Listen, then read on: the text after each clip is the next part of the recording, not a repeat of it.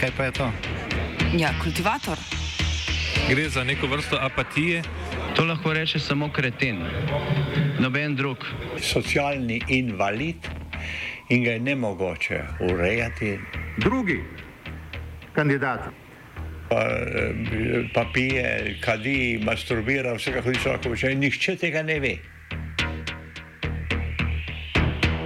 Vsak petek skultiviramo dogodek tedna. Lahko po kriterijih radio študent, težko pa po evropskih kriterijih. Ampak na drug način, kot vi to mislite. Kultivator vedno užge. da pač nekdo sploh omenja probleme, ki so in da pravzaprav sploh nekdo sproži dogajanje uh, v družbi. To drži, drži.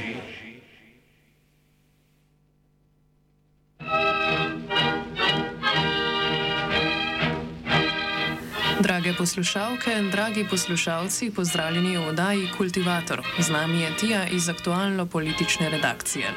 V ponedeljek smo v oddaji Offside že spregovorili o rezultatih italijanskih parlamentarnih volitev. Na njih je zmagala tako imenovana desna koalicija, ki jo sestavljajo stranka Bratje Italije, Liga Naprej Italija in stranka Mi Zmirneži.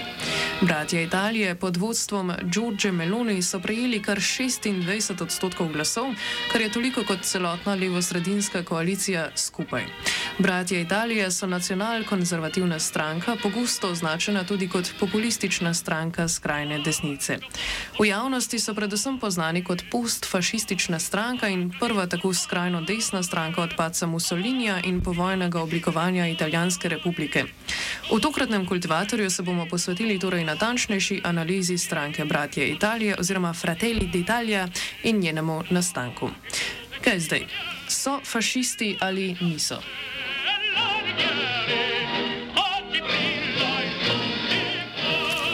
Pravi, bratje Italije so sicer le ena od strank desnega pola, ki se jim je uspelo zavihteti na vrh in zmagati na parlamentarnih volitvah.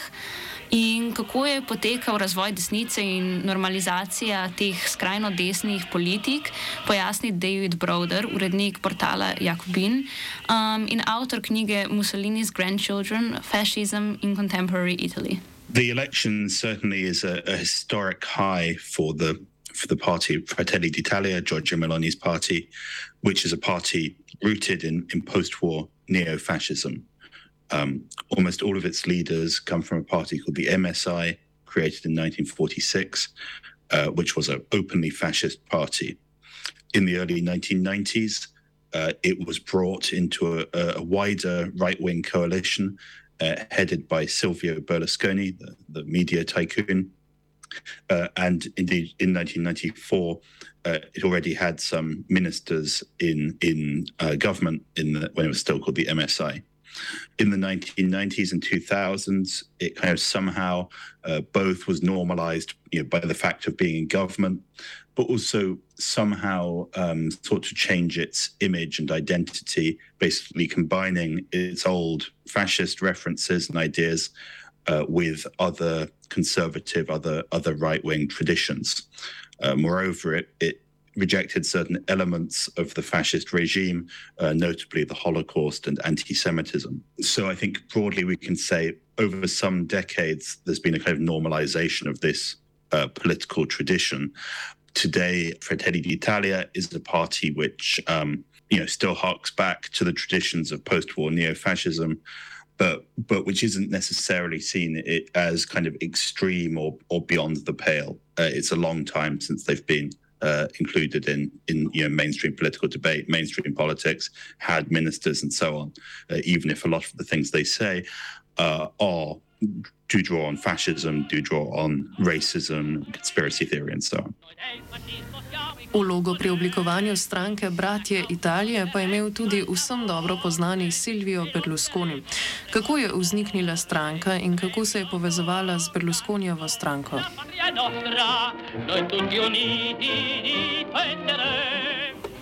Po drugi svetovni vojni in po porazu fašističnega gibanja je v bistvu v Italiji oblast prevzelo, prevzela skupina strank tako imenovanega odpora. Se pravi, gre za stranke, ki so delovale antifašistično oziroma so se borile proti fašizmu v Italiji in nacizmu v Nemčiji.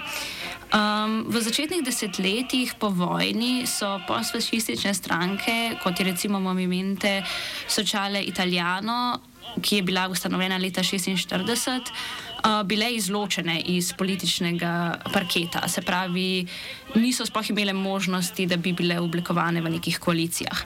Uh, v 90-ih letih prejšnjega stoletja, po koncu hladne vojne, se je pa zgodil kolaps teh antifašističnih strank, ki naj bi pač državo rešile po pacu Mussolinija, uh, in zlasti se je zgodil kolaps komunistične stranke. Uh, v večini povojne zgodovine je bila na oblasti krščanska demokracija. Uh, ta je služila kot izraz nekih prizadevanj zahodnih sil, konkretno Združenih držav Amerike, da na oblast v Italiji ne bi prišli komunisti. Povojna politika v Italiji se je tako formirala v tej tenziji med antikomunizmom na eni strani in komunizmom. To je posledično tudi potlačilo nekako v ozadje ta fašizem oziroma defašizacijo. Ampak do sprememb je prišlo v 90-ih letih. Kaj se je zgodilo takrat s politično sliko v Italiji? Ja, v začetku 90-ih sta oba ta pola v bistvu dominantnih strank razpadla. Krščanska demokracija se je znašla sredi velikega korupcijskega škandala.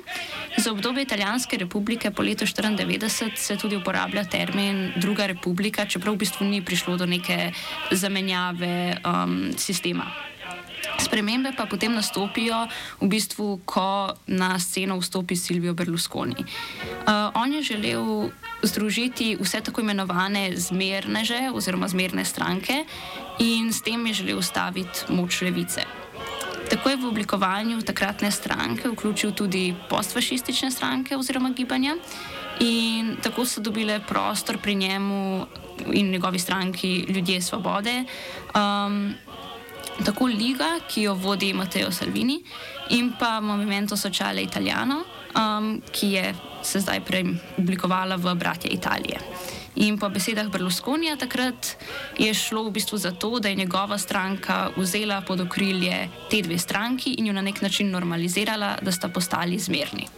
It was him who you know, allowed them to take up ministerial roles, who um, actually adopted a lot of the same ideas, uh, including with regard to, to history. Um, Berlusconi, throughout his uh, first uh, uh two terms in office, uh, refused any kind of commemoration of the resistance in World War II, and himself sort of advanced all kinds of racist ideas and so on. So, I mean, he was important in the sense that that while they had always been a, a kind of excluded party within post-war democracy, uh, he, as leader of the right, basically ha- uh, handed legitimacy to them.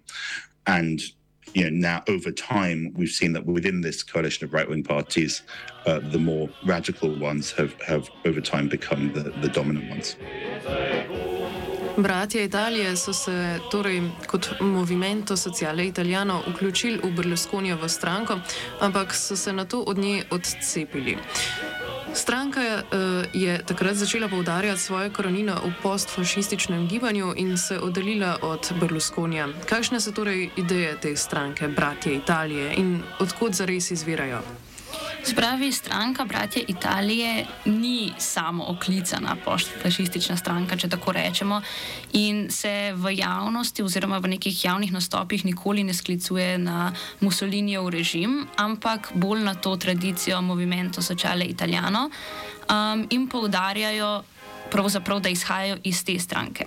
Meloni se je v javnosti sicer večkrat sklicevala na politike Đorđa Alirmanteja, ki je bil podpornik Mussolinijevega režima, tako da vidimo, da na nek način gre za odstopanja. Um, in te povezave med MSI in brati Italije natančneje predstavi sogovornik. MSI was created in 1946. All of its initial leaders were had been involved in the uh, Nazi collaborationist uh, Republic uh, under Mussolini, which was defeated at the end of April 45. Uh, the MSI existed throughout the post war republic up until the early 1990s. Uh, and in 1995, under its reforming leader, Gianfranco Fini, uh, it turned into a party called Alleanza Nazionale, Alliance, like National Alliance. And that was a party that claimed to include the old MSI tradition, but also to involve kind of other conservative Catholic uh, forces and be part of Berlusconi's right wing coalition. Eventually, Alleanza Nazionale actually directly merged with Berlusconi's party in 2009, at which point there ceased to be a specifically post fascist party in Italy, although, of course, a lot of the personnel and leaders and ideas were still there. Kdaj pa se je potem torej zgodila odcepitev stranke od Berlusconijeve? Stranka Bratje Italije se je sicer od desne stranke Silvija Berlusconija Ljudje svobode odcepila decembra 2012, potem ko je Berlusconijeva vlada je predala tehnokratski vladi Marija Montija in velik, velik del te stranke je pač nasprotoval tej odločitvi. Giorgio Meloni je sploh v začetnih letih, ko so se bratje Italije odcepili, ostro kritizirala Gianfranca Finija, nekdanjega vodjo desne koalicije, in učitala mu je, da je bil kriv za razpad desnih strank in pa pač, da je zanemaril te desne vrednote, um, ki naj bi jih pa zdaj uh, posebljala stranka bratje Italije. One aspect relates to the history itself. Uh, of course, uh, you know, one of the main battles uh, that has always been pursued by the Fratelli d'Italia and its predecessors in the MSI is an obsession with the Foibe, uh, claim that Yugoslav partisans committed ethnic cleansing uh, against Italians at the end of World War II uh, and that this is kind of one of the uh, the things the left has suppressed and doesn't want to talk about. Um, so several regions uh, where Fratelli d'Italia and the Lega are in power together, they've actually introduced uh, laws which would uh, criminalize the uh, denial or minimization of the ethnic cleansing of Italians by Yugoslav partisans. There's also a proposal by Fratelli d'Italia to integrate this into the constitution also in order to to shift the sort of anti-fascist balance of the constitution towards an anti-communist one. So criminalize apologism for communism and indeed uh, more contemporary uh, focus uh, to criminalize ap- apologism for Islamic extremism. But yeah, also this kind of war around historical memory is very common in today's Italy to directly compare the Foibe, the, the crimes of Yugoslav partisans, uh, as they're called, uh, with the Holocaust, to see this in terms of ethnic cleansing. Ne gre torej za popoln naslon na fašistični režim. Bratje Italije ne zanikajo holokausta oziroma ga celo obsojajo, obenem pa poudarjajo, da je bilo zatirano tudi italijansko prebivalstvo. I think Fratelli d'Italia as a party in its like public communications doesn't continue to take the fascist regime as like a model Uh, I think it has a different political culture to the generation who had actually experienced the war and the fascist regime, and that its identity is much more premised on the idea of the celebrating the record of the MSI, of the neo fascist party, which kept the flame alive, which kept the struggle going even during the difficult post war decades. It's very common for Fratelli d'Italia to talk about it, that past as you know they were criminalized they were marginalized they were silent they portray post-war italy almost as if it had been communist ruled uh, when it never was uh, just because it helps this like victim mentality Od tod izvira tudi teorija zarote, ki jo bratje Italije sicer pogosto uporabljajo tudi v svojem programu. Meloni namreč omenja tako imenovano etnično zamenjavo evropejcev z afričani in muslimanskimi narodi. Se pravi, teorija pravi, da so globalisti, uh, podporniki Evropske unije, skrajna levica in pa Žorž Soroš sprožili nenadzorovano množično priseljevanje in s tem želijo načrtno izbrisati tako imenovano italijansko raso. Ampak bratje Italije niso edina stranka v Italiji, ki ima elemente fašistične ideologije. Podobne ideje ima tudi stranka Liga. Tako je, ja. V bistvu Liga deli zelo podobne vrednote um, in Zdaj, kar je zanimivo, je, da na letošnjih parlamentarnih volitvah se je Liga odzvala precej slabše kot bratje Italije, dosegla je le 8 odstotkov glasov in ne 26. Bratje Italije so sicer zmagali tudi v regijah, ki so predhodno veljale za volilno bazo lige. Te glasove so pridobili večinoma v Lombardiji, Milanu in pa Beneški provinci. Ligo sicer, kot smo že omenili, vodi Matteo Salvini ki je bil nekdaj eden vodilnih obrazov desnice, je pa v bistvu zdaj na teh volitvah popolnoma izgubil neko moč in um, njegovi rezultati niso več primerljivi s Giorgio Meloni, kot so bili nekoč. I think we can say that their relationship is governed by a, a very strong competition and actually an appeal to a lot of the same kinds of voters. Um, in this election, uh, which was the first time that um, the first time since the creation of Fratelli d'Italia in 2012 in its current form, this was the first time that the Lega, that it uh, got more votes from the Lega. Uh, but if we look at you know where their votes came from, you know who, where their voters who their voters had voted for in 2018, we actually see that most of Fratelli d'Italia's voters come directly from the Lega historically, we could say that the the the neo-fascist and post-fascist tradition on which Fratelli d'Italia draws has generally tended to be stronger in central and southern regions of Italy, partly because of their um, sort of weak integration into the overall economic development of Italy, but also because they were less involved in the resistance in World War II and have generally tended to have a less strong anti-fascist tradition. And even in the 1990s, when the Lega uh, was formed in the north, uh, it would still sometimes use kind of anti-fascist rhetoric to distinguish itself uh, from the from the from the post-fascist party. Stranki Liga in bratje Italije sta si torej podobni. Kako pa to, da je uspel zmagati ravno bratom Italije, če so dosegli? Mislim, dosegli so namreč veliko večjo podporo od lige. Ja, se pravi, stranko Liga vodi Mateo Salvini in ta se je uspela povzpeti zlasti zaradi njegovega vodstva in pa osebnosti, ki jo je ustvaril. Eh, v javnosti, poleg tega se je stranka kar močno ideološko preoblikovala. Za razliko od lige so pa bratje Italije vzeli nekako drugačen pristop. Stranko je namreč um, Meloni oziroma že prej vodstvo gradilo počasi in strukturirano in ob tem je pač upoštevalo neko mrežo odnosov tako na nacionalni kot mednarodni ravni in Meloni se je veliko krat pojavljala tudi na različnih mednarodnih dogodkih. V času vlade Marija Dragija je bila stranka v bistvu edina opozicijska stranka v zelo mešani pač, um, vladi takrat. In uh, to vlado so sestavljale levo-sredinske stranke, ampak tudi naprej Italija, gre za Berlusconijevo stranko, ki je pač bila preoblikovana, in pa Liga.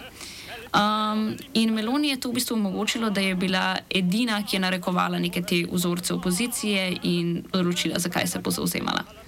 Uh, she said she was monogamous in matters of alliances, uh, and indeed she she cited the Draghi government as kind of another instance of a government that brings parties together which don't fit together and which Italians have never voted for. So to right wing voters, part of her appeal was also that she uh, posed as like a consistently right wing line, one of no compromises with the left. And uh, and indeed, as a government that would be like you know elected by Italians, and they would be able to know in advance like who the prime minister would be, and so on, which hasn't been the case for the last decade, where Italy has had a lot of strange coalitions and uh, technocratic cabinets, and so on. Meloni je moč, ki jo je dobila kot opozicijska stranka, sicer izkoristila pri nasprotovanju reform Dragjevi vladi, tudi za določene točke, ki v bistvu niso bile bistven del strankinega programa. Another aspect, though, is that you know the specific policies on which she ran were very critical of the uh, of in fact all of the uh, the most recent governments, all the ones from the last parliamentary term. Uh, in particular, because one of the main policies of Fratelli d'Italia and indeed one of the reasons for, reasons for tension within the previous uh, Draghi coalition was that um, the right wing of Italian politics, and particularly Fratelli d'Italia, uh, want to get rid of uh, the unemployment benefits introduced by uh, the Five Star Movement in 2019. So, although in general the campaign was quite light on kind of policy detail and uh, arguments over like specific issues, one of the big battlegrounds was unemployment benefits. Uh, Fratelli d'Italia basically say they're handouts so that people stay on the sofa rather than go to work. Uh, so within the right wing electorate, uh, she managed to rally support uh, on that basis, uh, particularly as businesses uh, face uh, a struggle to uh, get people to uh, work for them doing very low paid jobs. So, um, yeah, so she used her role as the only opposition to kind of dominate the political agenda because it was because it was easy for her to be a, a more distinct voice and to draw dividing lines in a way even her own even the other right wing parties could not. Za konec pa se vrniva k začetnemu vprašanju. Je stranka Bratje Italije fašistična? Ja, težko je reči ja ali ne, ampak v bistvu stvar je taka. Kljub temu, da stranka zagovarja, da se ne zgleduje po Mussolinijevem režimu, pa poudarja korenine v Movimento Sociale Italiano. In v vrstah movimenta je bila vrsta ljudi, ki so zasedali pomembne vloge v času fašističnega režima oziroma so ga pač podpirali. Gre torej za nekakšno zavajanje javnosti, se pravi, pravijo, ne podpiramo Mussolinija, ampak podpirajo pa pač stranko, ki je v bistvu nastala ravno iz občudovanja njega. Po drugi strani, bratje Italije ne morejo biti fašistična stranka, ki bi vodila državo tako, kot je to počel Mussolini, tudi če bi si to želeli.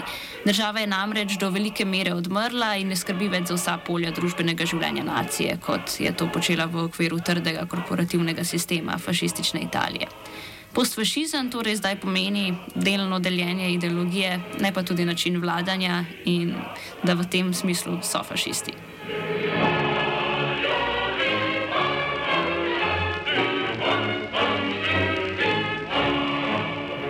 Kultivirali sva Tija in Živa.